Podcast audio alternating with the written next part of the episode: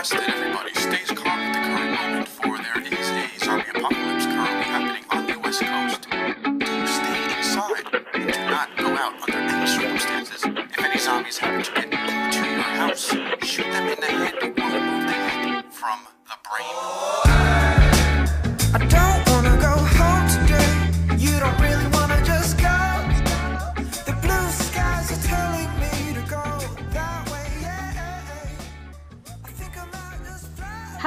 Semua, balik lagi di Kaditu. di conversation antara Dira dan Diandra. Jadi em, kali ini kita kedatangan lagi guest star, ya nggak sih? Ya nggak sih kak? Ya, betul sekali, guest star, ya, bintang tamu. Jadi, tapi teman sharing. kali- Iya, jadi tapi kali ini tuh agak beda dari yang kemarin-kemarin. Kalau kemarin-kemarin kita undangnya selalu penulis kan, dari mulai penulis himpunan, dari mulai penulis em, vacancy, terus kita juga kemarin, oh ini masih rahasia ya. Terus em, kali ini kita juga ngundangnya cowok. Biasanya kita ngundang penulis-penulis cewek. Yeay, hari ini segar. hari ini aku aku merasa segar karena ada jenis lain selain perempuan. Ya. Jadi kita kedatangan ada Imada Suripandu. Yeay. Yeay, halo. Halo semuanya. Aku bukan cowok. Enggak deh. Oke, gue gue cowok. Wah, cowok pertama ya di sini gue. Iya. Dan- Ya, cowok pertama. Ah. Cie, cowok pertama. Cowok Cowok pertama pertama. biasanya Kayak kita apaan aja. bintang tamu sebelum sebelum sebelum sebelumnya selalu cewek. Sama Nah, cewek. jadi Iya. gue jadi feminis juga. Feminin, Oh. feminin juga, iya. Iya, oh, that's cool. Terus eh gue mau jelasin dikit. Jadi eh Imadus Imade Suri Pandu ini adalah founder dari At Kegelisahan dan juga dia juga seorang vlogger. Bener nggak, Pandu? Beauty vlogger mungkin lebih tepatnya. Oh, iya benar. Oke, review make up. Dia endorse ini free deh kayaknya. Wow, bagi dong. oke. Kak. Terus terus Terus dia juga yang gue lihat eh, udah apa ya menjadi pembicara di kampus-kampus. Ini juga bayarannya sebenarnya kita bayar mahal ya, Ndu. 10 eh, juta iya, per menit. Bookingnya lama juga kan kemarin. Harus Iya, ada lama- berantem lama sama manajer gue dulu gitu. Oh, iya bener. Iya. Manajernya Bener-bener. galak. Manajernya galak ya. Terus terus apalagi tuh? Terus yang gue cari, enggak sih enggak gue cari. Maksudnya lalu Pandu ini di YouTube-nya selalu membagikan konten-konten mengenai tentang tentang eh, mental health eh, yang lebih spesifiknya anxiety, bener nggak? Hmm, bener, anxiety disorder. Ya, anxiety disorder. Dan dia juga katanya adalah eksekutif produser dari singlenya Tararin kemarin yang Emotion. Wow. Waduh, waduh, waduh, waduh. Wow. Ya, Ih, wow. Itu awalnya yang bilang sendiri ke gue. Ih, bintang tamu kita keren banget. soalnya pert- sorry ya gue gue potong pertama kali gue follow instagramnya Nadira gitu ya ah, sorry Diandra gue belum follow lo nggak apa-apa, nggak usah di follow back juga nggak apa-apa. belum, tahu username-nya pas gue lihat following Nadira terus gue lihat ada instagramnya Tararin gitu ya sekalian aja mungkin di perkenalan sekaligus nyombong gitu sebenarnya Kerasa sih, enggak deh. enggak, enggak, enggak, enggak, bercanda. Tapi iya, eh, mungkin Pandu lo mau mem- memperkenalkan diri lo sendiri gitu, silahkan. Oke. Eh nama tadi sebenarnya udah Imade Suri Pandu. Namanya ada kesan-kesan Balinya, tapi gue tinggal di Bekasi sebenarnya. Nggak pernah tinggal di Bali sama sekali. Wow, Itu- pakai paspor ya. Pakai pakai paspor dan pakai sunblock juga harus. Terus Yang piramidanya kebalik sih? iya iya harusnya gue pertama kali itu kan ngelihat piramida terbalik itu di Paris kan. Terus Iya.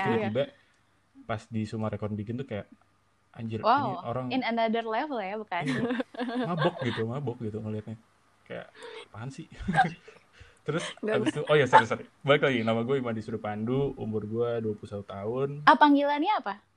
eh i aja boleh i juga Ih, Oh, aku kira dipanggilnya sayang. Oh, bukan ya? ya? Eh, mm, oh aduh em, Iya, Iya, oke. iya.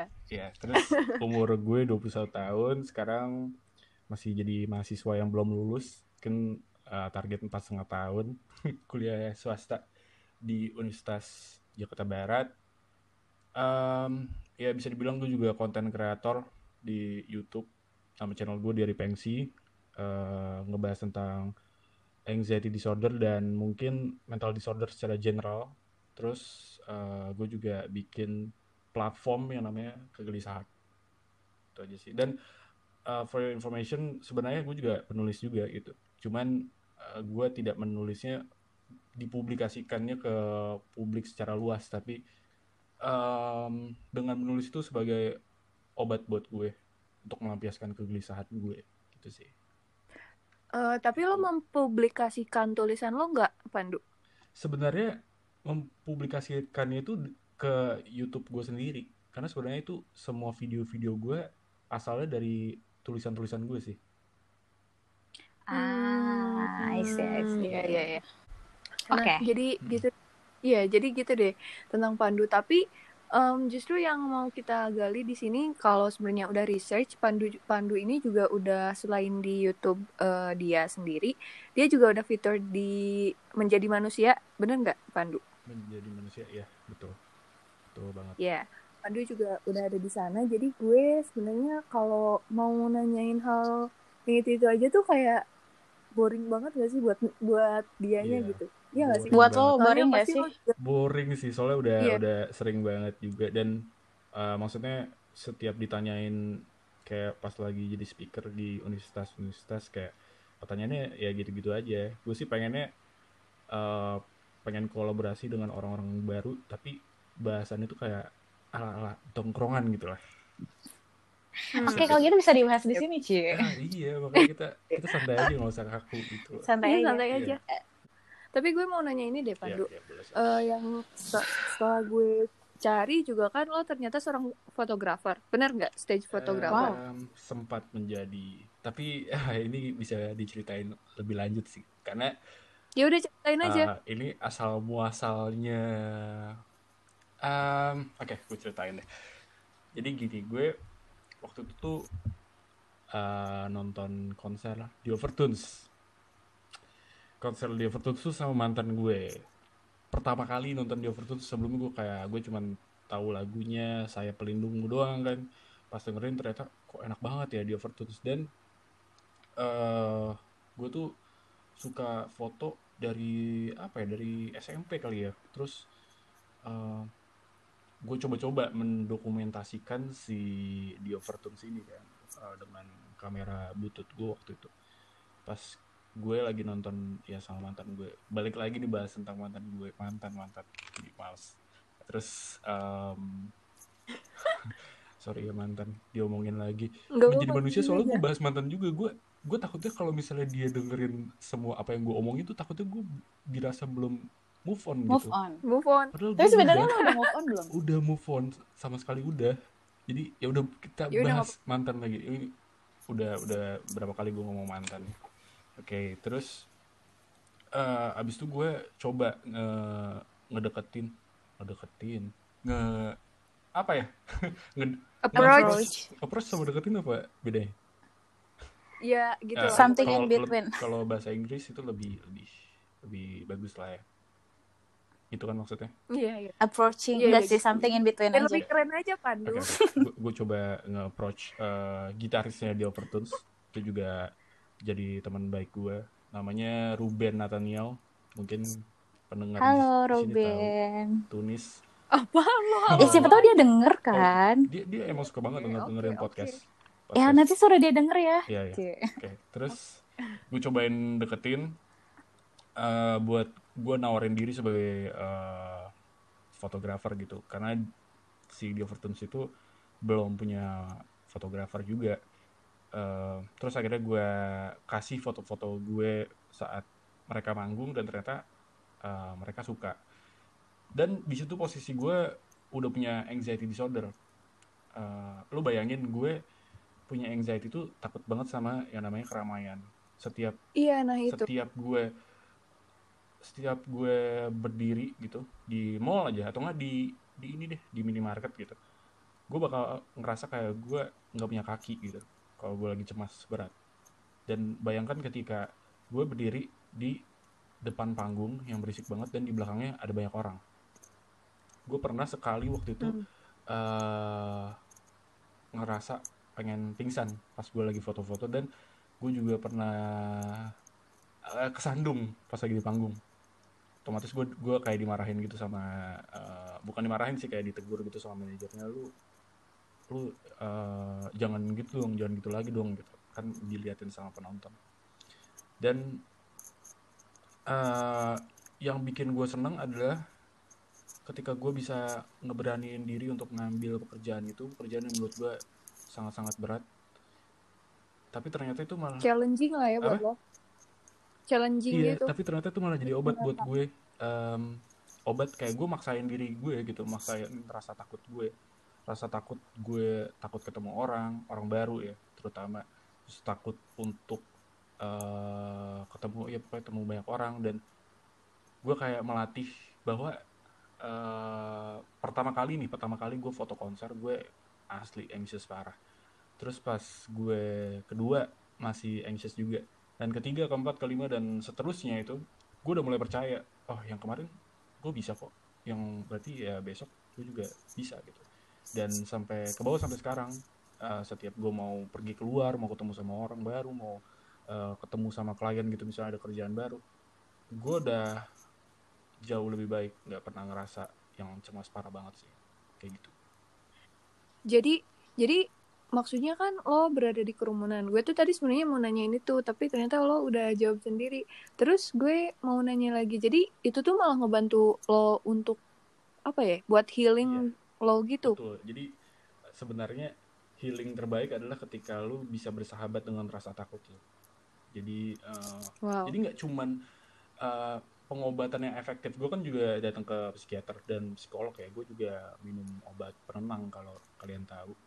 Eh, mungkin orang-orang yang apa ya eh, orang-orang yang nggak tahu Awam. yang awam gitu ya yang eh, Mhm. iya bakal ngeliat obat penenang tuh tabu kayak narkoba bikin ketergantungan memang kalau dengan penyalahgunaan bisa bikin ketergantungan tapi menurut gue eh, kalau lu mau mengobati anxiety atau gangguan mental lu secara efektif adalah lu pertama memang harus ke psikiater terus kedua lu ngikutin pengobatannya dan ketiga adalah eh, lu bersahabat dengan rasa takut lu. Eh, jadi kalau misalnya lu masih denial ya lu bakal susah buat ngobatin eh, mental illness lu gitu. Dan gue Hmm. gua gua ngerasa itu banget sih pas gue ngelawan rasa takut gue di depan panggung walaupun gue bukan penyanyi gue cuman foto-foto doang tapi ternyata artisnya juga suka dengan hasil-hasil foto gue. Terus akhirnya mer- merambah nggak cuman jadi stage photographer gue sempat ngerjain eh, satu eh, apa sih buat syuting di film mantan mantan mungkin kalian tahu. Em, production Hmm, production house dari tahu. Visinema terus sama sempat fotoin adik adik Karavardi Oh, wow. Iya, Wow, da- dari that's situ sih. so kayak good. kayak itu jadi kebanggaan gue sih kebanggaan gue walaupun akhirnya gue harus putus dengan mantan gue. Karena gue gue tipe orang yang gue nggak mau nyusahin orang lain gitu loh. Em, ya gue gue nggak mau orang lain terlibat karena kelemahan gue. Walaupun sebenarnya itu egois juga sih.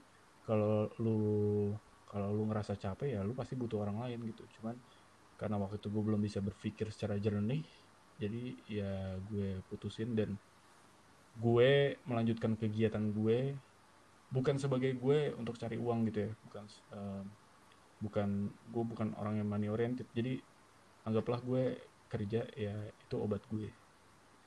Things that sh- shapes you as a human Mm, lah ya. mm, mm, lah mm, ya mm. begitu Tapi eh, tapi apakah dokter menyarankan lo menghadapi rasa takut lo atau gimana? untuk pertama kali enggak. Jadi em, psikiater itu kan nggak mungkin yang ngasih ngasih tahu sesuatu hal yang bisa bikin pasiennya kaget gitu. Mhm, jadi mhm. mungkin dalam sebulan dua bulan lu harus fokus dulu dengan pengobatan lu. Nggak boleh nggak boleh putus obat. Karena waktu itu gue juga pernah putus obat yang rasanya lebih gila lagi. Gue sampai kalian pernah denger sakau nggak sih? Iya iya iya. Yes, sakau tuh rasanya gila banget. Bener-bener gue ngerasain segila itu Eh, tapi gue bisa bangkit lagi gitu. Jadi untuk pertama kali memang lu perlu eh, perlu latihan yang kecil-kecil dulu gitu. Jadi sebelum gue sebelum gue apa namanya jadi stage photographer tuh gue kayak misalnya jalan dulu ke minimarket gitu sendirian.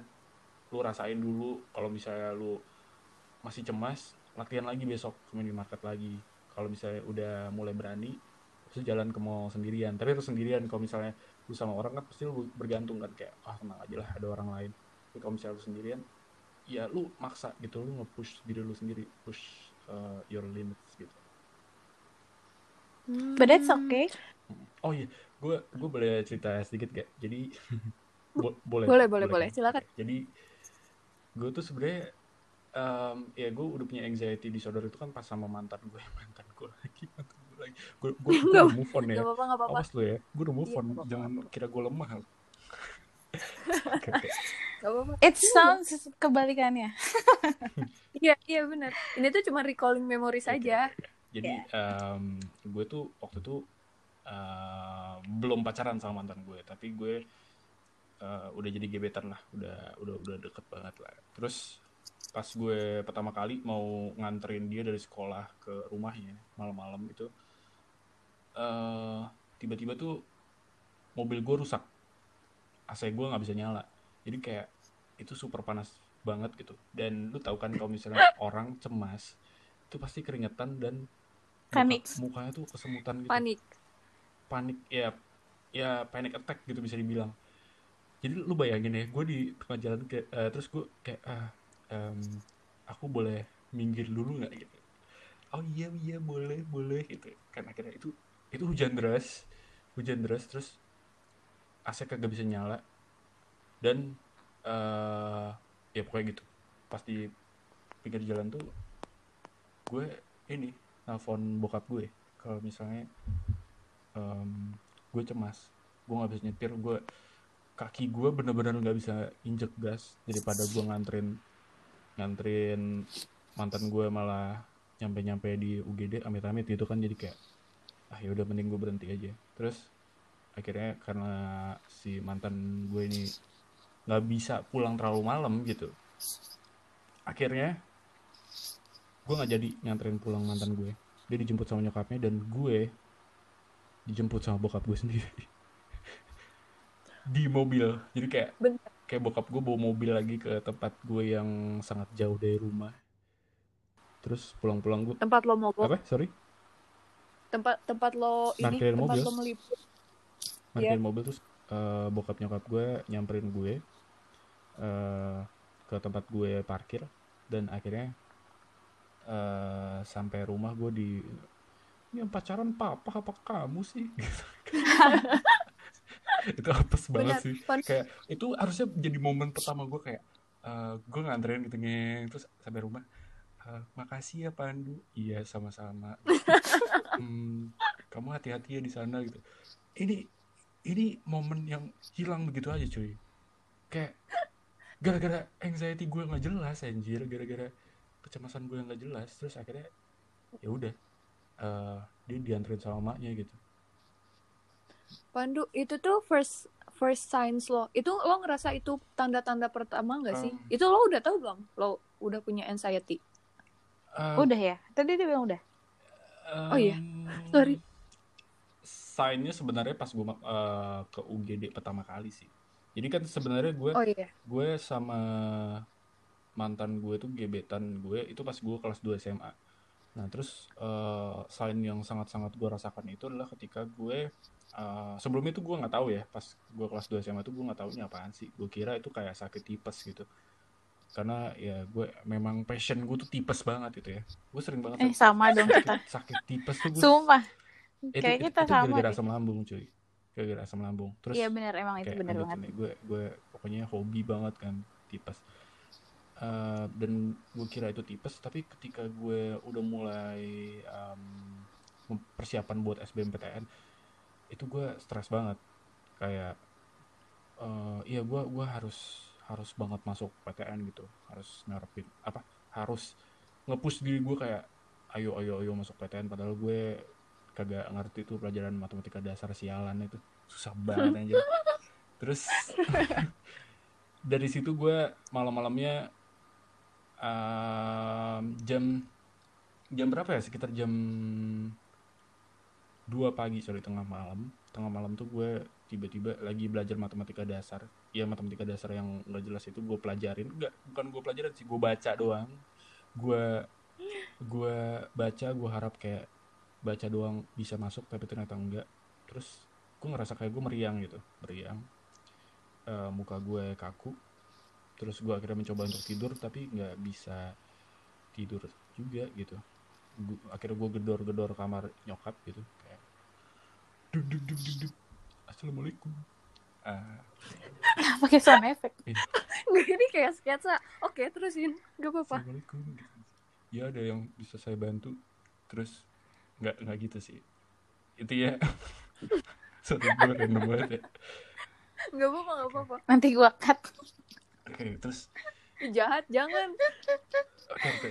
Eh eh, mah mah kayaknya kayaknya aku mau meninggal deh gitu kan. Gue kaget banget kan soalnya kayak rasanya bener-bener nggak tahu ya amit-amit gue tahu rasa mau meninggal tapi rasanya bener-bener anjir kayak lu nggak bakal ketemu pagi lagi cuy kayak lu nggak bakal denger suara burung berkicau gitu karena lu udah ngerasa pertama lu dada lu berat banget terus sesak nafas terus muka lu juga kesemutan keringet dingin.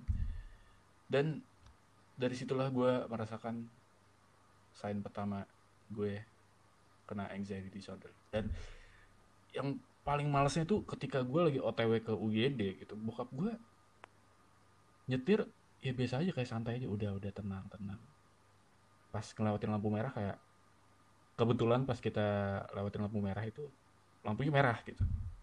Tapi bokap bokap gue kayak diem aja gitu kayak ah wah wah ini kayaknya udah mau mokat nih gitu. eh ya ini lampu merah gitu. Ya tapi ini jam 3 pagi gitu. Nggak ada tapi kan harus mematuhi peraturan lalu lintas. tapi nggak ada yang lewat sama sekali gitu bener-bener sepi banget. Tapi kalian kenapa malah oke berantem? oke terus akhirnya udah kan lampu hijau akhirnya udah jalan gitu pas nyampe di UGD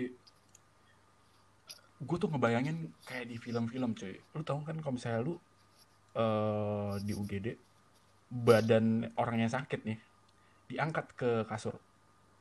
Kasurnya dorong. iya kayak segalanya semua Iya, panik gitu. Kasur yang didorong ditabrak ke pintu UGD ini kagak ada cuy. Terus? Gue daftar dulu pakai BPJS gue sendiri aja gue ih sama lah. Emang kayak gitu. tapi kita kan rakyat. Oke. Betul juga, betul juga. Gue juga rakyat biasa sih. Sampai UGD iya kita diperiksa, kan rakyat biasa sampai UGD diperiksa terus kayak di apa? stetoskop gitu. Eh, bagus ini, jantungnya bagus. Ya udah, eh, kamu boleh pulang Hmm, nanti. Gitu. Saya kasih kamu obat mah gitu. Gue mikir, anjir nih dokter, gue udah merasa pengen mati disuruh pulang anjir. Kagak kagak ada peralatan peralatan apa gitu yang harus dipasang ke jadi dari situ gue merasakan keanehan. Kayak rasanya bener-bener gue udah nggak ada di dunia ini tapi ya gue masih hidup. Gara-gara eh, gara-gara anxiety disorder itu. Gitu guys. Oh. Gue terus mau nanya ini. Eh, jadi lo cara lo coming out bahwa eh, I think I have something in my brain that I can control gitu loh kayak jadi kan kalau misalnya kalau lo sakit fisik itu tuh lo lebih gampang bilangnya ke orang tua lo Hmm. tapi kalau sakit yang nggak bisa nggak bisa Lo jelasin. ya? iya nggak bisa lo jelasin dan nggak bisa kelihatan kelihatan lah ya gimana cara lo jelasinnya atau mereka tuh tiba-tiba orang tua lo tuh tahu aja gitu bahwa oh eh, anak gue emang harus dibawa ke psikiater gitu. Oh iya. Kan pasti Oke. tiap orang tua beda-beda kayak gitu loh. Gue lupa jelasin part itu. Jadi setelah gue ke UGD itu gue udah kayak sekitar dua bulan bolak-balik ke em, spesialis penyakit dalam itu gue langganan banget kayak kayak gue manggil bro gitu. Kayak balik kayak balik lagi anjir ah, anjir balik lagi sakit apa sih lu? gitu. Padahal itu cuma psikosomatis gue doang gitu. Psikosomatis yang kalian tau gak sih psikosomatis di sini yang Em, sugesti nggak sih? Explain aja explain. Kayak- siapa kayak- tahu yang denger nggak tahu. Iya iya. Kayak penyakit yang timbul di fisik lo gitu. Tapi sebenarnya itu karena um, stres lo aja Pikiran gitu. lo sendiri. pikiran lo sendiri gitu. Ah, oke. Terus gue ngerasain kayak psikosomatis bolak balik gue ke rumah sakit buat cari tahu mulai cek dari endoskopi itu masukin kamera kamera drone ke lambung Hmm, kalian percaya ya? Enggak, tapi gue tuh dengerin lu aja. kita tuh kita tuh lagi nyimak Oke. dan mikir oh itu tuh benar nggak ya Enggak, itu malu aja. Oke, kayak masukin masukin kamera kayak kecil banget lah kayak pensil, nggak pensil juga sih kayak ah, udahlah kamera endoskopi terus gue juga diperiksa paru-paru, jantung, terus apa ya diperiksa tiroid juga dan ternyata hasilnya ya normal-normal aja gitu sampai sampai eh, apa namanya spesialis penyakit dalamnya kayak nyerah. Ah udah deh ini saya nyerah nih. Udah tes segala macam nggak ada penyakit apa-apa gitu. Em, saya saranin ke psikiater aja deh gitu. Kan kebetulan juga ngajak bokap gue gitu. Dan hmm, pas udah eh, pas dokter gue ngasih tahu seperti itu gitu. Eh, dokter gue ngomong ke bokap gue gitu. Eh, ngasih tahu kayak "Em, Pak saya kasih tahu dulu sebelumnya kalau misalnya anak bapak memang diharuskan ke psikiater bukan berarti anak bapak gila gitu. Mungkin bisa jadi em, eh, anak bapak punya apa ya punya pressure gitu punya beban di dalam pikirannya sehingga eh, mempengaruhi fisiknya atau bisa dibilang psikosomatis dan dari situlah gue memberanikan diri untuk psikiater. Pertama kali gue ke psikiater kayak gue nggak nggak nggak takut nggak ngerasa malu apa apa sih. Lebih ngerasa malunya ketika gue udah mulai didiagnosa. Tetap anxiety disorder dan lo harus ngikutin pengobatan minimal 6 bulan. Di situ bebannya tuh kayak nggak cuman gue di label gue didiagnosa anxiety disorder doang tapi gue juga harus menanggung kayak gimana caranya gue ngejelasin ke orang-orang kalau misalnya gue minum obat penenang gue harus ngasih tahu ke mereka pelan-pelan kalau ini bukan narkoba anjir. Karena tadi gue udah cerita sedikit kalau misalnya gue sempat putus obat karena lingkungan gue sendiri gitu. Lingkungan gue sendiri entah itu keluarga ini yang paling sedih keluarga ya. Keluarga eh, bilang gue jangan minum obat nanti ginjalnya rusak nanti nanti kamu kayak pakai narkoba. Dan kayak gitu dan akhirnya gue eh, bukan cuma anxiety doang. Gue kayak sebulan dua bulan kemudian gue kena depresi. Oh dan mungkin eh, nggak perlu gue jelasin lebih eh, secara lanjut gitu ya. Tapi gue pernah di posisi ketika gue kepikiran untuk mengakhiri hidup. Hmm. dan bukan itu doang. Eh, lu tahu kan tadi gue cerita kalau misalnya gue sering banget tipes sering Iya, banget iya. tipes itu sebenarnya karena psikosomatis gue sendiri dan karena ketika gue lagi ngecek sama dokter gitu tipes gue selalu eh, selalu ada tapi kayak kecil gitu loh kayak kayak kayak paratipes tapi paratipesnya bisa dibilang negatif. Gue gue lupa yang namanya apa. Ya gue hasilnya negatif gitu tipes. Dan setiap gue ada kerjaan gitu mau foto di Overtones gue selalu kayak apa ngerasa tipes ngerasa sakit dan akhirnya gue selalu kayak mundur. Eh ah sorry ya gue nggak bisa kerja hari ini. Dan dari situlah gue juga mulai eh, apa ya mul- eh, mereka mulai tegas kalau misalnya mereka nggak depak gue gitu kayak mereka ngeluarin gue dari The Overtones dan apa apa lagi ya? Ya The Overtones dan eh, dan beberapa kerjaan yang lainnya lah gitu. Karena gue nggak cuman megang foto doang gue gue eh, ngambil kerjaan konten mereka juga di media sosial dan sempat juga pengen bikin video tapi gara-gara kesalahan gue sendiri gara-gara anxiety gue sendiri akhirnya gue dikeluarin sama The Overtones dan gue ngerasa itu kayak ya gue depresi lagi gara-gara itu. Gara-gara dari situlah gue ngerasa kayak gue capek banget punya anxiety gue malu banget punya anxiety. Dan gue ngerasa kayak ya balik lagi gue kayak pengen mengakhiri gitu. Gimana cara lo akhirnya pelan-pelan lo mulai nerima gitu bahwa oh ini tuh apa ya maksudnya itu tuh sebenarnya kan bukan ya itu sesuatu yang ada di diri lo aja tapi itu kan bukan berarti kesalahan gitu karena nggak akan ada yang mau. Dan dan proses lo untuk menerima lo sebagai ya udah gue memiliki ini. Tapi gue yakin kok gitu gue bisa hidup secara apa ya secara optimis lah gimana? Menerima itu ketika gue mungkin juga mulai ketemu sama sebagian orang yang punya anxiety disorder gitu. Gue mulai ikut satu acara satu acara yang ngebahas tentang gangguan mental. Dan di situ gue bikin short movie. Short movie pertama gue ditampilin sama mereka gitu. Eh, visualisasi yang ngegambar tentang ngegambarin tentang eh, gue yang takut pergi keluar. Mungkin kalian bisa cari di YouTube gue nanti. Terus Oke. terus abis itu gue ketemu gue kenalan juga eh, dan mereka ternyata juga apa ya capek tapi walaupun capek tetap semangat juga. Dan akhirnya gue di situ tuh mulai mulai nulis nulis mulai nulis nulis kecemasan gue. Karena kan psikiater gue memang menyarankan gue untuk nulis ya.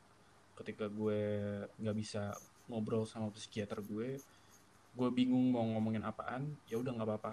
Eh, lu nggak apa-apa nggak bisa ngomong sama gue tapi lu tulisin aja di entah itu di buku atau di laptop lu gitu.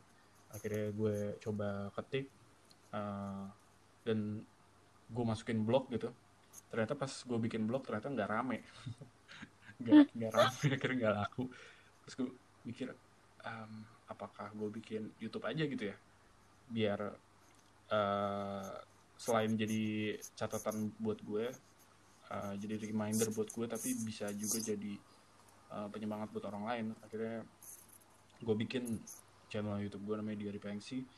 Um, Diary Pandu Anxiety. Cocok logi anjir terus ya dari situ pas gue lihat eh, apa ya komentar-komentarnya wah ternyata aku tidak sendiri kayak gini wah bagus banget videonya gitu. Eh, like likesnya juga banyak banget. Dari situ gue mulai kayak percaya diri bahwa ya hidup gue walaupun kayak gini tapi ternyata eh, bisa gitu nyemangatin orang lain. Walaupun gue mungkin eh, ini ini sebenarnya faktor kecemasan gue adalah ketika gue nggak bisa masuk PTN gitu ya. Eh, bokap nyokap gue PTN kakak gue PTN sampai kuliah di luar negeri gitu. Saudara gue juga kuliah di luar negeri semua. Pas gue dapet PTS eh, gue ngerasa kalau misalnya kemampuan orang tuh beda-beda nggak nggak semua harus sama. Dan ketika gue bikin YouTube ternyata bisa lumayan booming gitu. Nggak nggak booming sih lumayan lumayan banyak yang nonton. Gue ngerasa kayak bangga anjir ternyata oh di sini loh jalan gue. Eh, gue punya anxiety tapi gue juga masih bisa berkarya gue masih bisa produktif. Dan setelah gue kayak misalnya diundang diundang sama sama em, kampus sama itu juga pernah sama Jux juga sama masuk CNN dari situ gue mulai bener-bener yakin gitu kayak eh gue memang punya kekurangan tapi gue bisa ngubah kekurangan ini jadi suatu kelebihan kayak gitu. Dan oh ya dan satu lagi gue memang ngerasa sangat beda dengan orang lain. Jadi orang lain mungkin bisa dapetin sesuatu dan gue juga bisa dapetin sesuatu tapi proses gue eh, bisa dibilang sangat sangat berat ketimbang orang lain. Dan setelah gue bisa sukses ngedapetin sesuatu yang orang lain juga bisa itu gue ngerasa lebih bangga aja sih ngerasa Puas dengan diri sendiri gitu gak sih? bisa dibilang puas banget sih tapi ya lu tau Hmm. lah terkadang kalau malam ada muncul jam-jam overthinking Iya. Em, 3 AM thoughts. ya nggak perlu di 2 AM thoughts. nggak perlu 3 ditakutin AM sih thoughts. itu jadi hal yang eh, media lu sebagai untuk introspeksi diri aja nggak perlu kayak ditakutin banget karena ketika lu tidur malam-malam besok pagi udah seger ya lu bakal bakal eh, hopefully nggak overthinking lagi gitu Back to normal ya ya. back to normal Wow. Eh, tapi lo ini gak sih maksudnya lo backtrack gak sih kayak penyebab lo bisa merasakan itu gitu tuh kenapa gitu maksudnya eh kan sebelumnya enggak pernah nih misalnya dari kecil enggak pernah ngerasain kayak gitu terus tiba-tiba pas SMA kelas 2 tiba-tiba jeder aja gitu. Nah itu lo backtrack gak sih? Kenapa ya gue bisa mengalami ini gitu? Penyebabnya apa? Apakah gue stres sama teman-teman gue? Ataukah gue apa Eh, gitu? Apa? penyebabnya sih lo pernah bertanya-tanya nggak? Oh, gua- gua atau udah tahu, emang gua udah dokter tahu. udah ini? Gua udah tahu. oh udah tahu. Em, jadi kan itu butuh proses yang sangat lama banget ya. Dan gue sudah membicarakan itu sama orang tua gue jadi sekarang eh, mungkin fokus gue lebih ke non akademik dan orang tua gue bisa menerima. Karena kenapa? Dari memang gue dari kecil itu nggak suka belajar. Nggak suka belajar nggak suka nggak suka apa matematika lah atau pokoknya pendidikan formal tuh gue nggak suka. Eh, makanya kenapa gue waktu itu pernah juara satu bikin film. Maksudnya yang mana kalau misalnya kakak gue tuh juara satu bisa lomba fisika lomba lomba olimpiade lah atau apa gitu. Tapi gue eh, bisa menghasilkan sesuatu yang di non akademik gitu. Jadi ketika gue masuk SMA itu eh, untuk persiapan SBMPTN gue ngerasa pressure aja kalau bisa em, kayaknya gue harus menyamakan posisi gue seperti keluarga-keluarga gue yang lainnya. Karena ini kayak gue pertama kali banget nih pertama kali banget eh seorang anak gitu atau seorang cucu juga yang eh, jalannya bukan ke akademik. Jalannya jalannya ke Memilih jalan yang berbeda lah. Jalannya kayak apa ya kayak bikin bikin film lah atau foto lah atau bikin bikin lagu gitu. Yang orangnya seni gitu walaupun gak seni banget ya orang yang seni jadinya. Jadi kayak beda apakah lu bisa mempertanggungjawabkan itu? Dan, dan gue mempertanyakan kayaknya gue nggak bisa mempertanggungjawabkan itu jadi ya mau nggak mau gue harus mengikuti jalan bokap nyokap gue jalan kakek gue jalan jalan eh, kakak gue yang mana itu malah bikin gue ambruk gitu. Terus, Hmm. gue mau nanya tadi kalau udah agak membawa isu ini kayak eh, lo kan menjadi pembicara-pembicara gitu ya di kampus-kampus. Dan lo kan ma- maksudnya lo tuh masih muda gitu kayak lo cuman beda berapa tahun? Dua tahun dari gue. Dua tahun sama lo. iya tapi kan lo tuh lo muda dan udah berbicara di depan banyak orang tuh gimana rasanya? Rasanya sangat sangat bangga sih.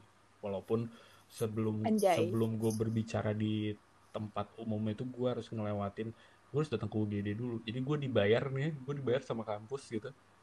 Duitnya sebagian besar gue bayar buat eh, ke ke UGD karena lu tahu lah sekali ke UGD lu lumayan juga gitu ya karena dekat rumah Tapi kan nggak pakai BPJS. Nah, itu dia. Tambahan lagi. Jadi jadi oke jadi itu gini, apa namanya? Sebenarnya gue koreksi dikit, gue bukan BPJS. Gue gue itu pakai asuransi gitulah. BPJS gue belum diurus, sorry sorry. Jadi gue pakai asuransi. Jadi pas Oh. pas gue pas gue waktu itu sering banget cemas, sering banget ke UGD dan sering banget ke ke apa namanya ke dokter gitu. eh nyokap gue ini nih kayak bikin peraturan aduh kalau gitu mama cabut asuransi aja biar enggak ini biar enggak bolak balik ke rumah sakit kalau misalnya asuransi kan bayar sebulan tuh bisa bolak balik kan ke eh, Iya, Bel. lo mau setiap hari ke UGD juga boleh. hmm, tapi ya lu jadi rasanya jadi kayak bergantung gitu loh sama sama orang lain. Dikit-dikit ke UGD gitu Dikit-dikit ya. ke ini, kan jadi malah uh, kasihan gitu lah mentalnya pikirannya gitu. Terus uh, uh, akhirnya iya asuransi gue di, di, di, di- ini dicabut. Terus setelah itu pas gue mulai jadi speaker itu gue udah nggak pakai asuransi lagi. Jadi setiap ke UGD ya bayar ya oh ya deket deket rumah gue cuman ada RSPI jadi sekalinya ke UGD ya gitu kan dikasih Ya RSPI lumayan lah. dikasih obat mahal jadi kayak sejuta Hah, RSPI? Rumah lo katanya di Bekasi. Kok udah RSPI sih? eh, gue gue ada rumah di Jakarta juga kan ya gitu jadi Oh. gue kalau misalnya di Bekasi cuman eh, weekend doang lah sama bokap nyokap ya, jadi gue rumah gue yang Jakarta setiap gue lagi cemas ya gitu keluar banyak. Walaupun ya ditanggung tetap ditanggung juga. Cuman kan kayak ngerasa nggak enak aja nggak sih? Kalau nggak pakai asuransi kayak eh, ngerasa kayak nyusahin orang tua gitu. Tapi Pandu lo berarti tinggal sendiri? Maksudnya lo tinggal sendiri? Eh, ada rumah kakek gue di Jakarta.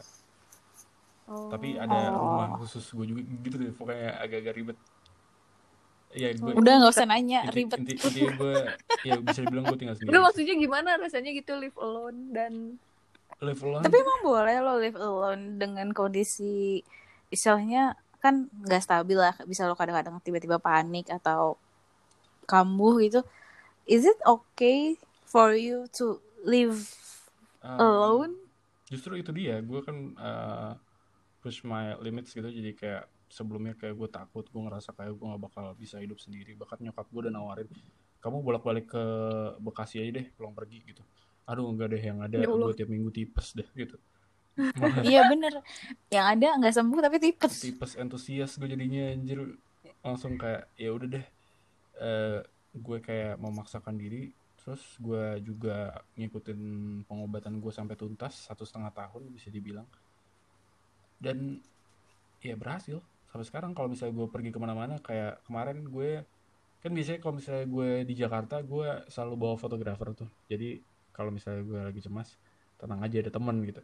Tapi kayak kemarin contohnya ke Jember Universitas Jember kan gue sendiri naik pesawat sendiri eh, di hotel juga sendiri. Jadi ya gue karena udah latihan juga hidup sendiri akhirnya terbiasa. Hmm. gue benar gue mau nanya lagi gue nanya mulu Eh, Nanya tapi mulu kayak tukang bukan parkir. podcast jadi nggak Iya. apa-apa lu kan yang punya Bentar. Enggak, enggak ini ini gue mau nanya lagi. Iya. Ini boleh lo jawab, boleh enggak? Boleh enggak? mau Tapi oh ya boleh boleh ya udah. Ya, Belum. ya, ya, belum belum Jadi eh, kan lo punya peliharaan ya? Mm-mm, punya Lo punya peliharaan.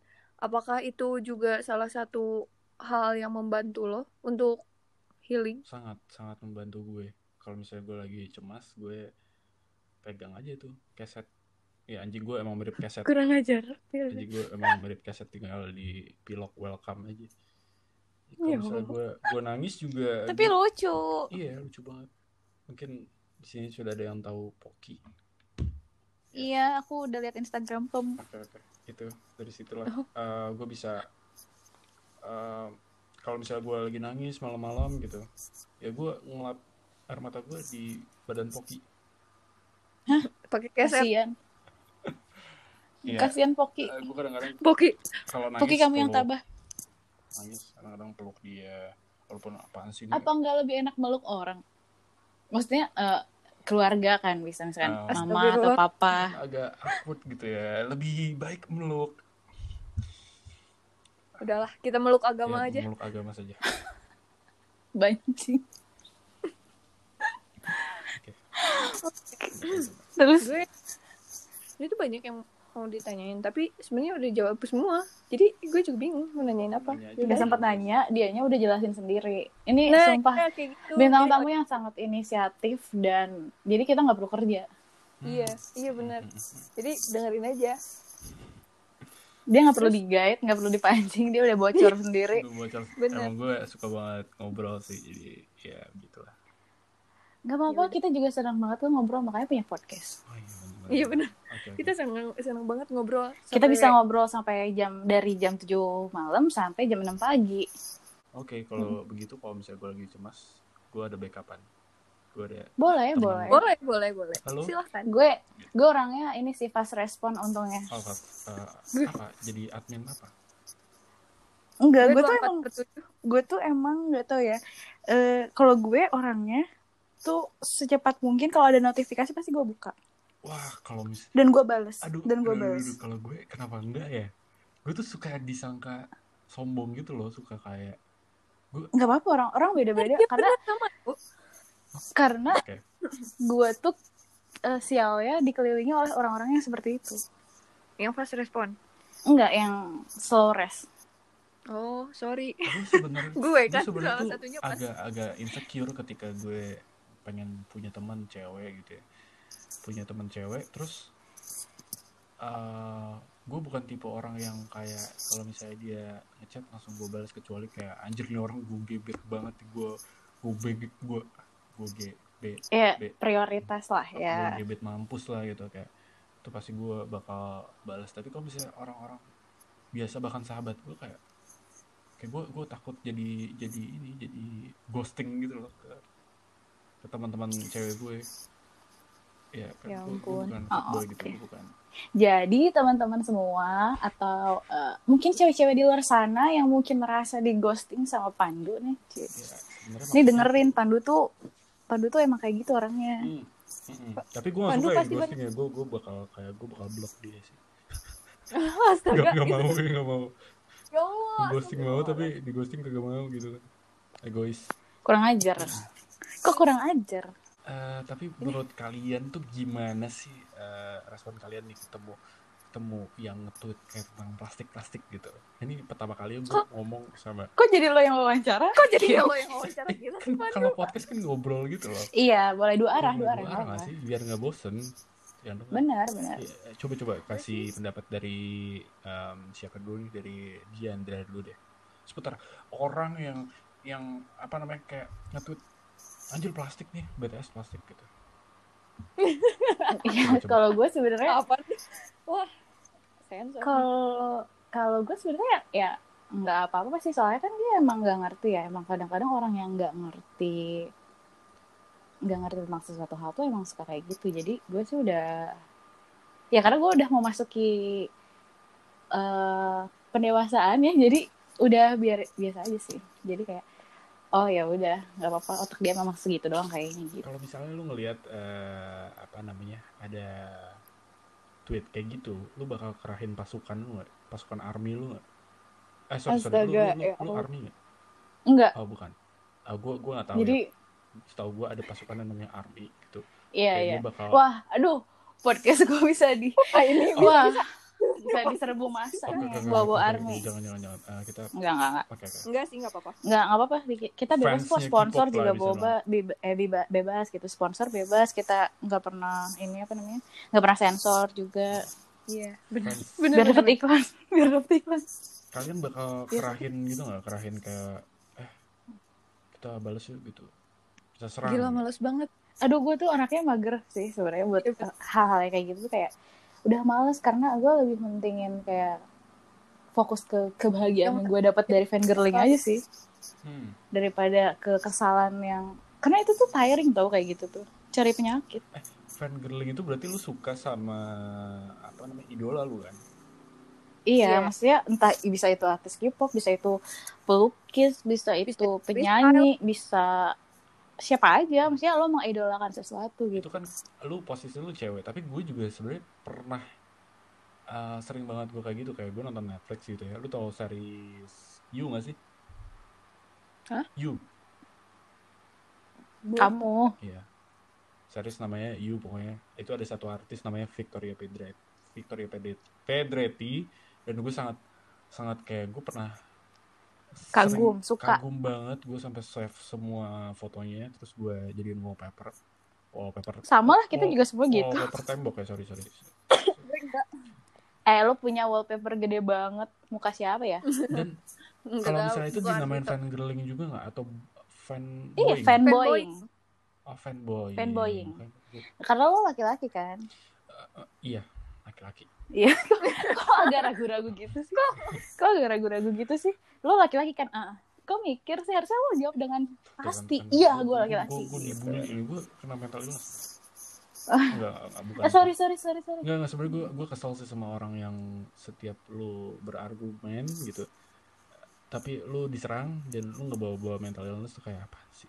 Oh iya, gue juga mau nanya Iya, itu sih. bener, bener, Apakah lo seperti itu karena Lo pernah di Twitter, eh di Twitter, oh sorry, menyebut platform ya, maksudnya di media sosial tuh kayak tiba-tiba ketika orang dibully atau di, kan, dia melakukan kesalahan terus dibully sama orang-orang terus kayak tiba-tiba aku tuh kayak gini karena aku dadadadadadada terus kayak kalian makasih ya udah bikin aku makin drop dan lalala terus kayak halo assalamualaikum gitu. Ya kalau kenapa misal lo? Gitu. kalau misalnya lu punya mental illness harusnya lu tahu lu harus nge- ngebatasin untuk main media sosial. Karena media sosial itu kan platform yang lu ngomong sesuka lu lah gitu. Pasti ya akan ada orang yang eh, tidak sefrekuensi lah sama lu dan lu harus menerima itu. Jadi kalau misalnya lu dapet misalnya cacian atau head speech. head, head speech dan lu nggak suka ya memang lu harus terima bahwa ya eh, nggak semua orang bisa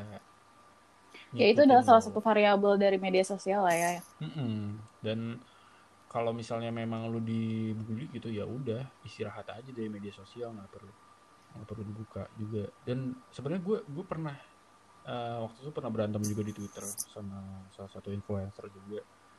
Dan waktu itu Twitter gue tuh gue ngepin salah satu berita dari CNN yang liput gue kan. Mhm. Jadi Mhm. si followernya dia tuh kayak ngebela gua ngebela gue kalau misalnya eh lu jangan kayak gini gini dong itu kan maksudnya kayak gini gini gini gini terus dia nge DM gue "Eh, kak tadi gue eh, nyemangatin lu karena gue tahu ternyata lu punya anxiety disorder parah banget kayak gini gue sih nggak perlu dibela sebenarnya nggak perlu dibela kalau misalnya gue punya anxiety disorder kecuali kalau misalnya lu ngebela gue karena lu sependapat sama gue tapi kalau misalnya lu ngebela punya anxiety disorder gue bukan yang itu yang ngemis-ngemis dikasih Harus dibela. Yang Oh iya apa iya. yang iya, dikasihanin aduh punya anxiety disorder kasihan seharusnya eh, apa namanya harusnya dikasihanin gitu. Enggak lah.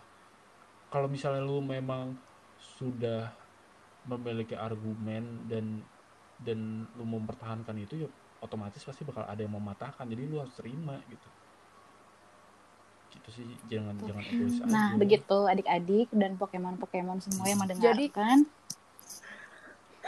Gue jadi lupa deh mau ngomong apa.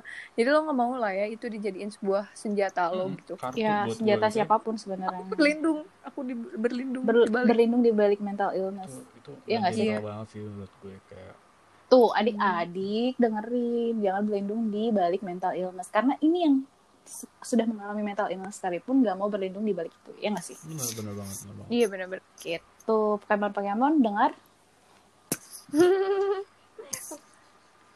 Sorry, ini soalnya yang dengar Pokemon bukan manusia. Iya yang ya Squirtle, Charmander, nggak ada manusia. Pikachu. Pikachu, nggak ada manusia. Terus, em, oh iya, lo banyak fans gak Pandu? Pasti banyak lah. gue ngoleksi sepatu sih Gue nanyanya Oh. fans. Oke, lo banyak penggemar nggak? oh, Dia lo itu banyak penggemar nggak? penggemar um, gua Pasti ada lah, pasti banyak lah. enggak enggak enggak tahu sih Eh, Tapi tapi kan aku salah satu penggemar kamu, Cie. Oh itu iya, itu banyak nggak yang kayak gitu? Hmm, lebih ke konten sih konten di YouTube bukan ke Oh di misalnya- YouTube. tapi ada sih Tapi uh, apa apa sorry, sorry. oh ya udah. Nggak nggak. Terus ya terus. Iya, ada yang pernah nge DM kayak em, apa namanya I- eh, gue kayak apa ya waktu itu nge-story anak bayi apa nggak salah terus kayak ada yang nge-DM "Ih, eh, lucu ya anak kita berdua anjay. Cringe sih. Ih, cringe banget. kering tapi gak cuma itu doang gitu. Gue cringe tidak mau gue bukannya maksudnya menjelekan seksualitas orang ya tapi ada salah satu kaum pelangi gitu ya eh, cowok gitu Oh. yang eh, yang tadi yang ngomong itu itu itu cewek tapi kan, eh, ini ada lagi eh, cowok gitu kayak eh, ngirim emoticon mata yang ada love gitu terus kayak emoticon basah gitu kayak bikin gue cringe banget sih kayak anjir goblok sih Oh my god. Dia salah pencet kali. Lo pernah positive thinking nggak? kalau misalnya Dia salah pencet emot. Apa emang dia setiap Oh. kali gue pernah kayak gitu? Enggak lo Enggak gue mikirnya lo pernah nggak positive thinking mungkin lo juga menarik bagi kamu. Nah iya kayak gitu sih. ah gue udah nanya sama teman gue yang dia dia gay juga gitu gue gue tanya apakah postingan gue mengundang gitu ya dan ternyata ya soalnya lu sering banget foto diri lu sendiri jadi kayak otomatis kalau orang yang kayak manly banget itu atau misalnya orang yang cowok banget eh, kecuali influencer ya influencer pasti mereka karena ada eh, Tuntutan. pekerjaan gitu tapi kalau misalnya gue lihat memang teman-teman gue em, jarang yang serajin gue foto gitu loh kayak gue gue suka suka Foto banget potret diri foto gitu ya. sendiri, iya foto sendiri tapi bukan selfie gitu ya bukan kayak yang Iya potret diri foto- gue bilang. eh, di fotoin sama kakak gue dan gue em, ya memang Hmm. sempet ada pikiran ke sana jadi gue sempet insecure waktu itu Tapi jadi lo punya lah ya penggemar. Penggemar.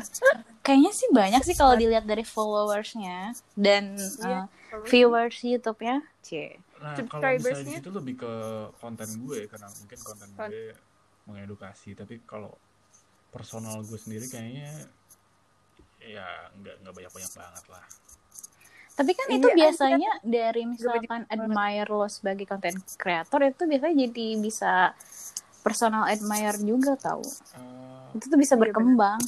mungkin sih tapi gue tidak terlalu memusingkan itu sih jadi kalau misalnya ada maksudnya ada aja orang yang kayak DM gue kayak eh, Kak aku naksir deh gitu. care banget sama Ada gue. nggak? Ada nggak?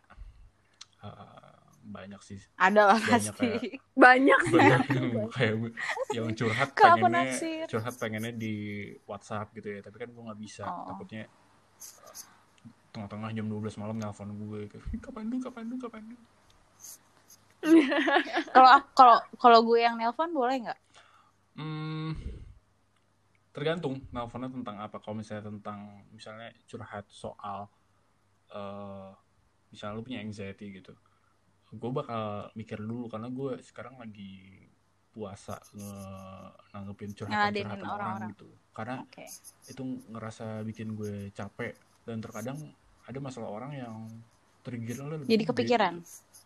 Kayak ada orang waktu itu yang ngirim foto self harm itu yang bikin gue kayak anjir oh my Oh god my god. selain self harm That's itu worse. kayak mungkin udah sekitar tiga orang yang Tapi lo trauma gak sih menerima hal-hal seperti itu? banget. Biasanya kayak trauma banget gue jangankan Apa yang lo lakukan jangan- setelah jangankan itu? self harm nih gue kasih tahu ada tiga orang yang menyatakan ya dia mau suicide gitu dan itu DM terakhir ke gue gue nangis gue ke psikiater gue gue kayak gue nggak bisa gitu bantu orang yang oh dia iya. harus melakukan seperti itu dan Eh. ya lu pasti ngerasa bersalah gak sih kayak Iya, iya, iya, Oh gue udah baca ini sih di instastory lo. ya pasti Ya gue baca gue baca.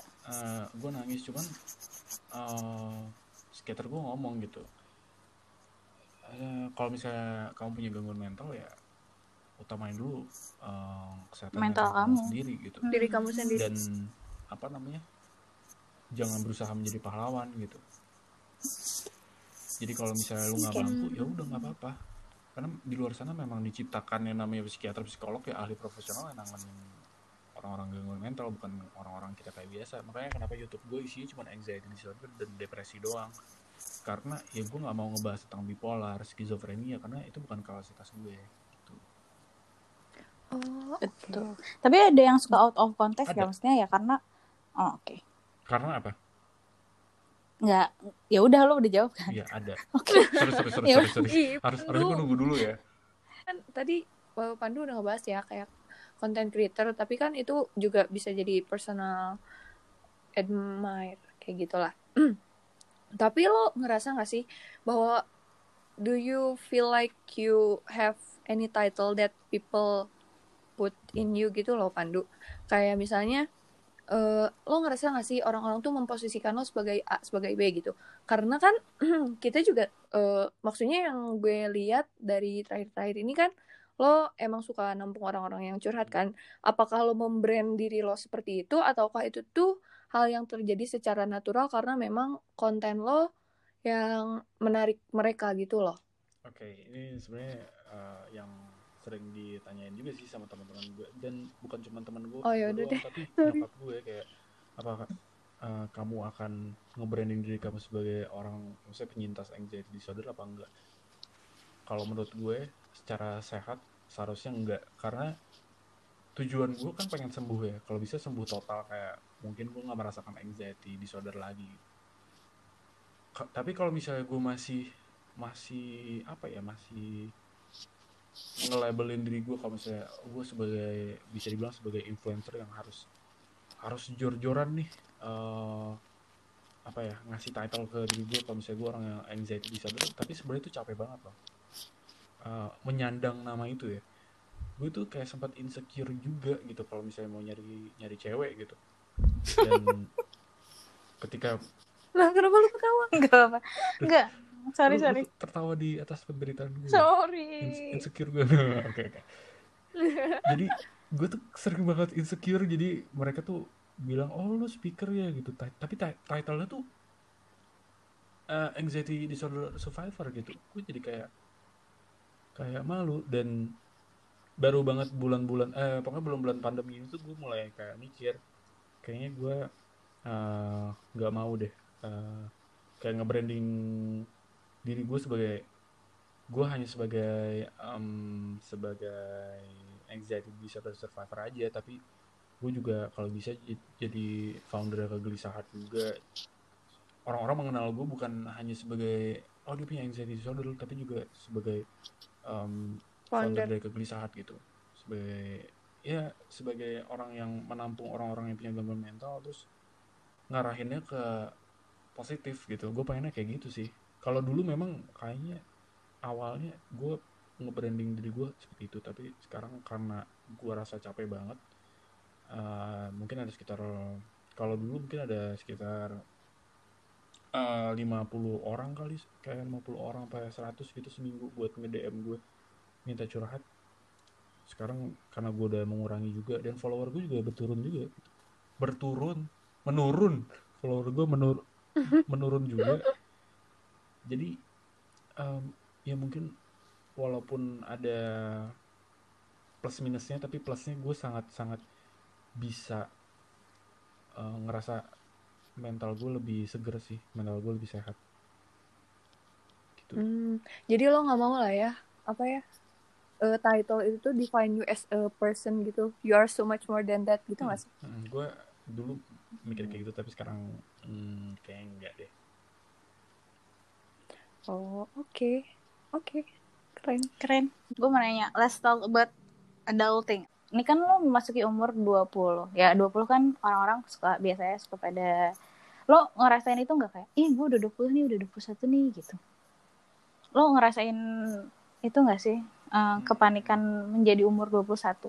kalau gue sih enggak sih gue ngerasa gue senang aja seneng sih tapi ya ya gue gue gue mikirinnya kalau misalnya gue udah memang harus lulus gue memang harus lulus cepat secepat itu gue nanti mungkin bakal merasakan yang gue nggak bakal ketemu libur panjang gitu.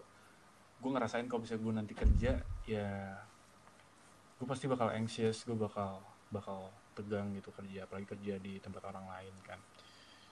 Terus gue juga pernah kayak men- eh, mencemaskan soal gue harus nikah umur berapa gitu. Walaupun masih jauh tapi ya gue kayak belum belum siap aja. Cuman eh, pas gue menginjak umur 21 gue nggak nggak merasakan kayak itu beban buat gue tapi mungkin nanti ketika udah mendekati mendekati apa ya mendekati Waktunya. eh, kayak udah kerja udah Oke. kayak lu harus nyicil buat beli rumah itu kayak itu kayak bakal jadi eh, stres banget lah Iya, maksudnya gue tuh mau menanyakan itu. Maksudnya kita aja tuh yang nggak punya inisiatif kayak eh kadang mikirin being adult tuh ih stres ya ternyata adulting tuh gini, adulting gitu. Terus lo gimana mengatasi itu gitu? Lo takut gak sih lo gue ih nanti gue akan panik nih pasti oh gue, gue akan kayak gini nih pasti gitu. Lo begitu nggak? pasti sih takut cuman eh, bokap gue selalu ngasih tahu sih kalau misalnya nanti gue bakal dihadapin seperti itu ya simpelnya adalah simpelnya adalah jalanin aja di dikerjain aja. Karena kalau misalnya lu lu simpan dalam hati lu pikirin terus itu lu nggak bakal pertama eh, lu nggak bakal melakukan juga nggak eh, progres lu nggak bakal gerak dan lu bakal makin stuck di comfort zone gitu loh. Jadi caranya adalah mungkin kalau dari bokap gue karena gue belum merasakan tuh yang namanya eh, gue udah pernah freelance tapi gue belum pernah eh, pasti kan adalah rasa pengen kerja di eh, perusahaan gede gitu. Budak korporat lah ya. hmm budak korporat gitu. Kayak kerja di SCBD gitu pengen. Nah gue em, apa ya kalau misalnya gue nanti di situ sih eh misalnya nih konteksnya gue bahas tentang apa ya? Tentang eh, tentang misalnya udah udah mau beli beli rumah lah kan gue nggak bisa ya eh, terus numpang sama nyokap gitu. Berarti kan gue kayak harus ngambil keputusan yang besar banget nih gimana caranya gue bisa uh, uh, beli rumah gitu. Nah caranya adalah kalau eh, bokap gue ngajarin kalau misalnya lu mampu lu mampu kerjain sesuatu itu em, lu cari cari jalan yang menurut lu bisa. Jangan kayak ngikutin orang lain. Makanya gue sekarang lagi belajar banget yang namanya eh, ngelihat orang lain mungkin sukses gitu. Tapi gue belajar untuk menahan gue nggak seperti dia. Ngerti nggak? ya jadi kayak lo berpikir oh gue begini tapi lo mikir lagi tapi gue kayaknya kalau harus kayak gitu Iya. dengan kondisi gue gue kayaknya nggak bisa gitu ya. Lo, mikirnya gitu nggak Eh, sih? mungkin bisa tapi caranya jangan sama kayak gitu lah. Oh. kayak gitu. Yes. atau atau kayak teman-teman gue mau nikah nih umur 24 gitu gue gue kan mikir anjing. Eh sorry anjir. Nggak Ah, apa-apa. itu- enggak enggak. Eh, anjing itu peliharaan gue namanya Poki. Iya terus? Eh, anjir gitu. Ya kalau anjir lebih sopan santun lah ya. Lebih sedikit halus lah. Hmm, di ya anjir Nah, terus gimana? anjir. Gue jadi kepikiran itu yang apa skala ngomong ngomong anjing anjing iya. Tau gak sih? Anjing gitu ada juga gitu. Eh, pokoknya ya misalnya temen gue menikah umur 24 gitu terus gue nggak bisa ya ya gue harus ngomong ke diri gue sendiri emang harus nikah umur 24 kalau enggak misalnya enggak harus teman-teman. Nggak harus kan makanya gue pengen nikah umur 30 mungkin lebih shock lagi nggak apa-apa is bagus Kenapa? Tara Basro juga umur 30 iya gitu Sandra Dewi juga tiga tiga Dua, ah, bukan 29 ya? ah Sandra Dewi pas nikah tiga tiga Oh 33 ya udah. Gue soalnya nggak terlalu baca sambil turah sih. Iya. Jadi gitu. Gitu aja sih. Lah apa nih? Iya maksudnya gue kayak Enggak. cara cara gue Maksudnya- menghandle itu cara gue menghandle nanti ketika gue semakin tua ya gue gue nggak mau ngikutin orang lain. Gue bakal ngikutin jalan gue sendiri aja. Bakal bakal apa ya bakal menganalisa Lebih. kem- kemampuan kemampuan gue iya kayak sesuai kemampuan gue aja gitu. Jadi double nggak sih complicatednya? Kayak gue cuman harus complicated sama pikiran gue yang aduh jadi dewasa tuh gini ya oh jadi harus punya masa depan ya sedangkan lo harus berpikir juga ih gue tuh harus menjaga keadaan mental gue gitu tapi kar- Hmm, karena buat stabil tapi gitu. karena itu belum lu rasain kan sorry Diandra umur lu berapa seumuran sama Isyana tahun berapa sih lahirnya Isyana? Sama kayak lo. Sama Oh, kayak lo. seumuran Isyana Isyana gue. dua dua enam Iya. Oke Eh, misalnya dua enam gitu tadi gue mau pengen bahas apa ya ya ya kalau misalnya dua enam eh, tapi lu ngerasa lu stres gak 26 sekarang Nadira, coba dijawab. Apa? Kan yang, Gimana? yang umur 26 kan lu Dina. Tapi juru bicara gue Nadira. Enggak, lu ngerasa Ya, sorry, lu ngerasa stres gak dengan umur lu 26 Enggak sih. karena Enggak. lu udah ngerasain kan di step itu kalau misalnya gue ngebayangin umur 26 karena gue belum ngerasain. Jadi kayak kalau misalnya lu udah ada di lu udah udah berdiri di umur 26 gitu lu udah ngerasain. Dan lu ngejalanin eh, kerjaan-kerjaan lu menurut gue kayaknya selagi lu kerjain semuanya lu nggak bakal stres gitu. Kecuali lu membandingkan um, achievement achievement orang lain gitu. Menurut gue kayaknya itu lebih beban orang-orang kayak karena mengikuti standar orang lain. Menurut gue.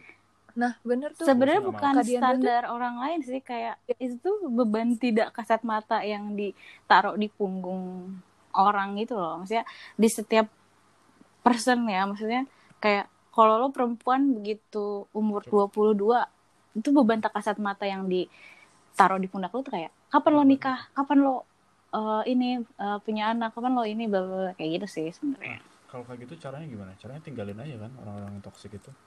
Iyalah. Ses- Oh, nggak bisa ses- ditinggalin kalau- itu ada di lingkungan yang sangat dekat dengan kita Iya. maksudnya. Iya, gue gue paham. Tapi eh, berarti lu harus cari cara gitu, lu harus cari cara gimana eh, lu bisa nggak masukin omongan-omongan mereka ke ke hati. Eh, ke hati gitu. Sama ketika gue berobat terus gue dikatain narkoba tapi gue tetap lanjutin kan sampai gue sembuh. Jadi tergantung lo tergantung lo menghadapi masalahnya aja sih. Apa ya? Ya lo menerima kalau masalah itu bisa jadi jadi batu loncatan buat lo aja sih menurut gue iya sih sama menerima bahwa semua orang punya timingnya masing-masing punya timingnya masing-masing jadi mungkin lo harus belajar bodo amat sih gue juga harus belajar bodo amat ketika nanti oh 27 kenapa lo belum nikah gitu atau gue nikah 23 ya. Hmm. asal jangan MBA aja Master Business of Admis. Administration. administration benar soalnya gue gue gak suka bisnis jangan gitu kan. DP dulu bang Hmm, jangan jangan DP apaan tuh? down payment down down payment. payment uang muka ya gue gue nggak mau kayak gitu ya. Misalnya 27 gue dikomenin ya lu pan kenapa sih belum nikah? Gitu. Ya gue gue gue gue emang tunggu jadi ini apa namanya bilioner dulu gitu biar gue bisa beli omongan lu nanti. Anjay, Anjay. kayak gitu Tapi sih. Yay. tapi kan kalau cowok mah nggak pernah ditanyain kayak gitu kalau misalnya eh, nggak nggak rushing Kata to married eh? gitu nggak sih? Mama pengen cucu nak. Tapi kan ada kakak perempuan loh yang emang misalkan sudah umurnya gitu kayak kan pasti dia rushing kakak lo dulu lah nggak lo kakak duluan gue kakak gue anaknya udah tesis gue belum punya anak gitu gimana terus Oh, gue iya. ditanyain it's different gitu type Iya. iya maksud gue tapi kan kalau Iya. cowok tuh nggak diburu-buru gitu kayak cowok tuh kalau di Indonesia lebih kayak kayak- waktu expirednya tuh lebih panjang gitu loh dari perempuan sorry ya ya Ah, Itu iya iya kalau betul betul betul Nggak ada. Sorry ya ini gue bilang expired kayak kasar banget tapi emang kayak bibitnya lah ya bisa kayak kayak di Indonesia tuh kayak kalau udah di atas 25 tuh kayak aduh lo pasti nggak laku deh kalau belum nikah atau bla bla bla ye kayak gitu. Kayak 27 duh lo pasti udah susah nih cari jodoh kalau udah umur segitu. Kayak siapa yang mau sama perempuan umur 27 gitu kayak atau kalau lo udah 30 ya ampun lo tuh udah kepala tiga cuy terus lo belum nikah. Terus kayak terus mau kapan punya anaknya gitu. Terus nanti gapnya jauh loh sama anaknya. Terus nanti susah loh hamilnya kayak perempuan tuh banyak banget di hah gitu. Kalau cowok kan kayaknya enggak gitu kayak lo mau nikah umur 35 juga oh dia cowok umur 35 nggak apa-apa lah dia pasti nunggu mapan dulu. Ini- tuh stigma-stigma kayak gitu sih. orang-orang kampung sih sebenarnya. Ya itu dia. Itu dia. perlu Ups. dirubah gitu ya, ya stigma stigma orang ya gitulah. Yang sebenarnya harus belajar untuk bodo amat. Karena gue juga di keluarga yang sebagian masih masih pemikiran masih Patriarki jadul, lah ya. kolot gitu ya. Kolot ya terus? Kolot. Terus jadi kolot. Kolot gua- anda. gue harus belajar bodo amat gitu. Harus ya udah gue yang jalanin hidup gue gitu. Ya kalaupun gue berkeluarga cepet emang lu mau bayarin kuliah Resepsi. ah, sekolah Cie. anak-anak gue resepsi di Four Season anjay. Resepsinya di Four Seasons nih. Oh iya. Mahal nih bapak. Aduh. Ya, mahal ya. Di mulia. resepsinya di Four Seasons. Yo yo. Oke, gitu aja. guys gimana guys? Kira-kira guys? Kira-kira guys. Gimana sih jadi orang umur 20 tahun ke atas gitu? Gitu. Em, siapa? Nggak tahu. nggak ada bedanya sih Iya. atau misalnya selama lu masih Siapa tuh?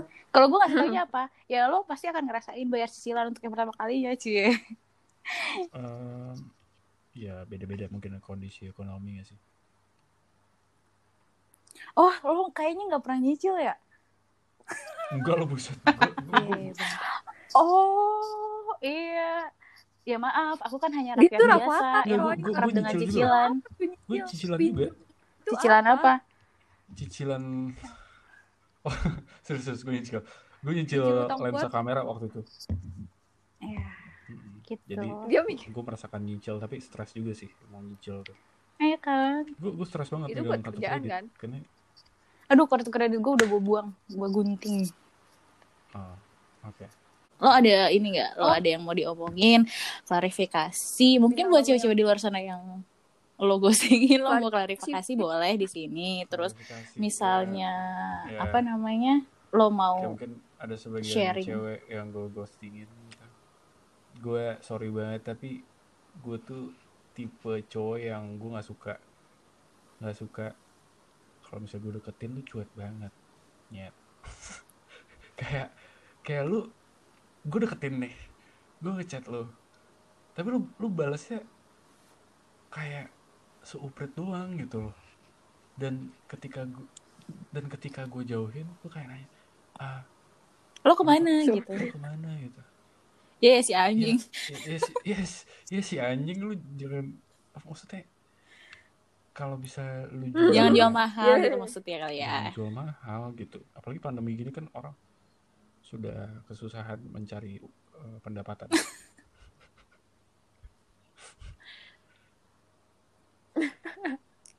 oh gue juga masih nunggu ini kegelisahan der siap nder kegelisahan der nder oke. Iya kan?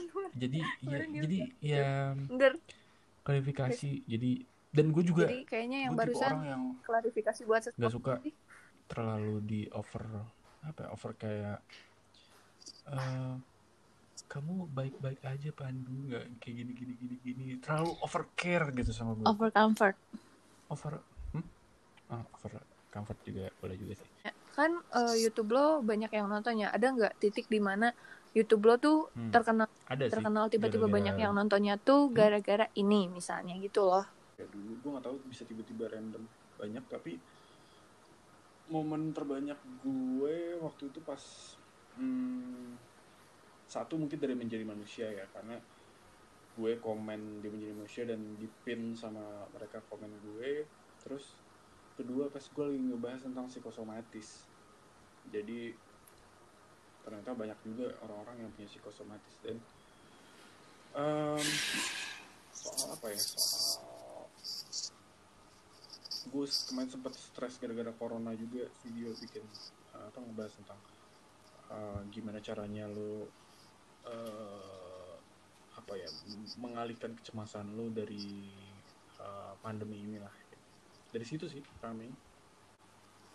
Waktu itu pernah berantem sama satu follower gue karena dia bilang gue ya kan lu orang mampu gitu. Apa lu beda sama gue? Jadi gue dibanding bandingin eh, dibanding bandingin gitu. Jadi mereka curhat terus gue jawab tapi ya kan gue lebih parah daripada lu gitu. Lu kan orang mampu lu bisa lu, lu punya orang tua ini lu bisa pergi ke luar negeri gitu contohnya.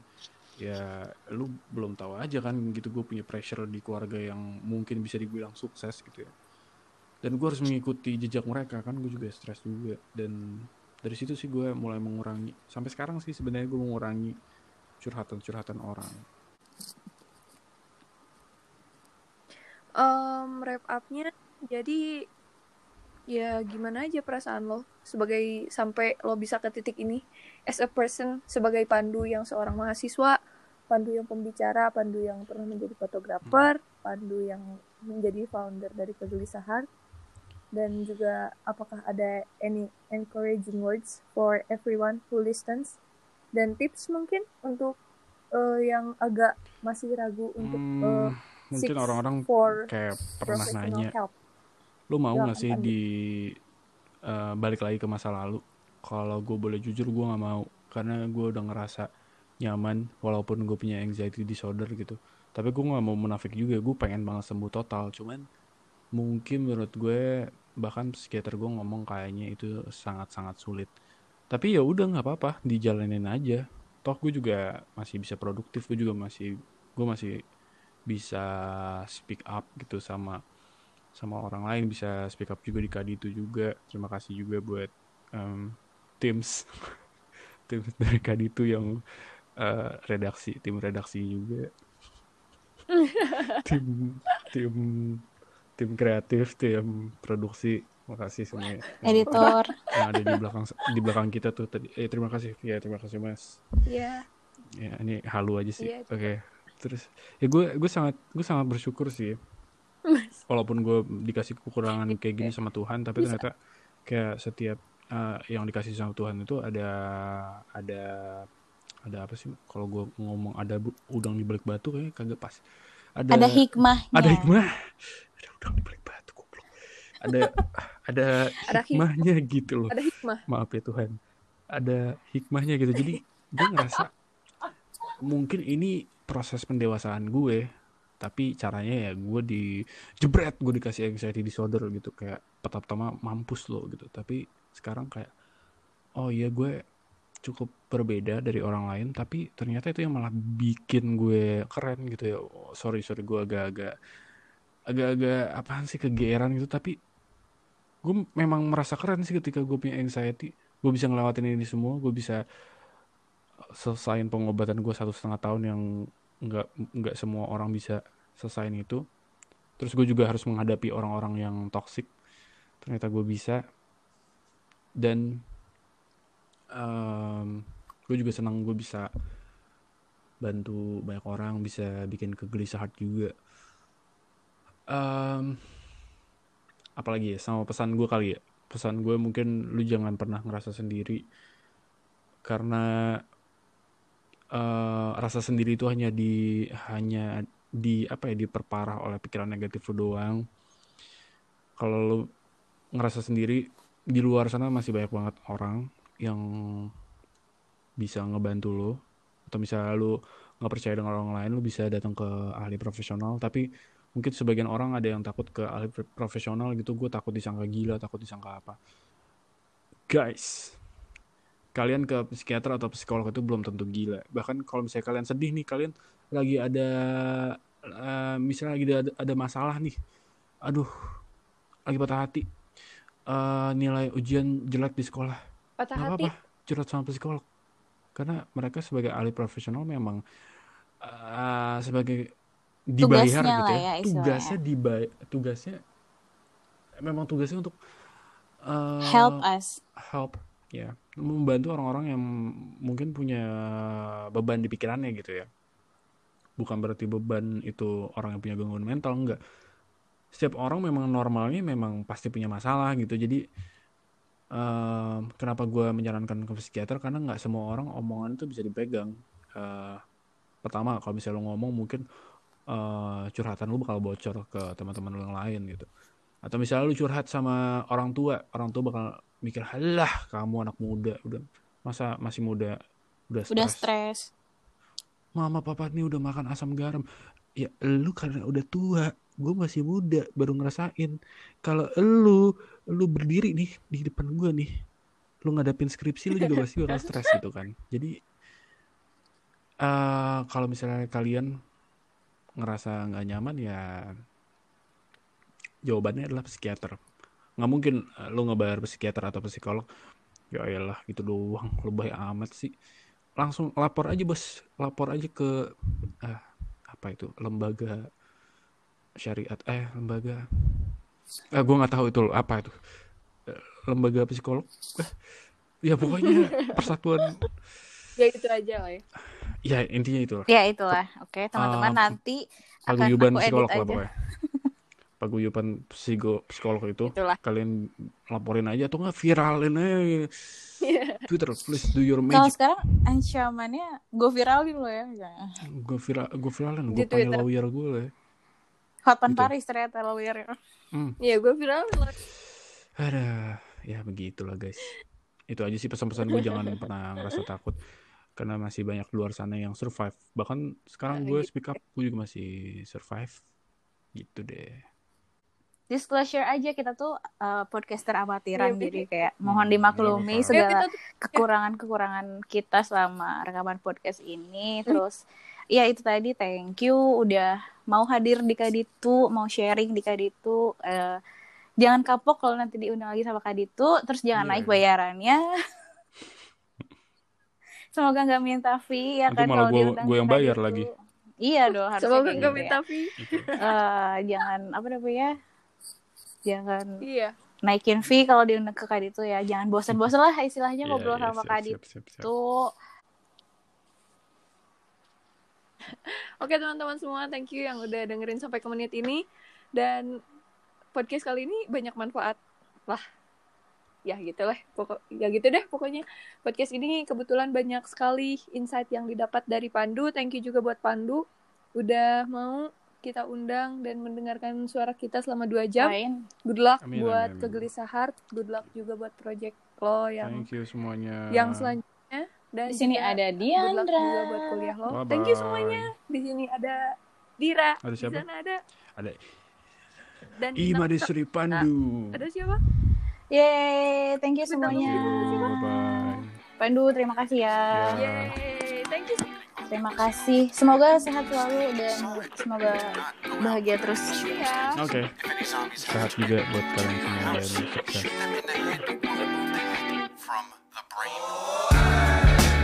I don't wanna go home today.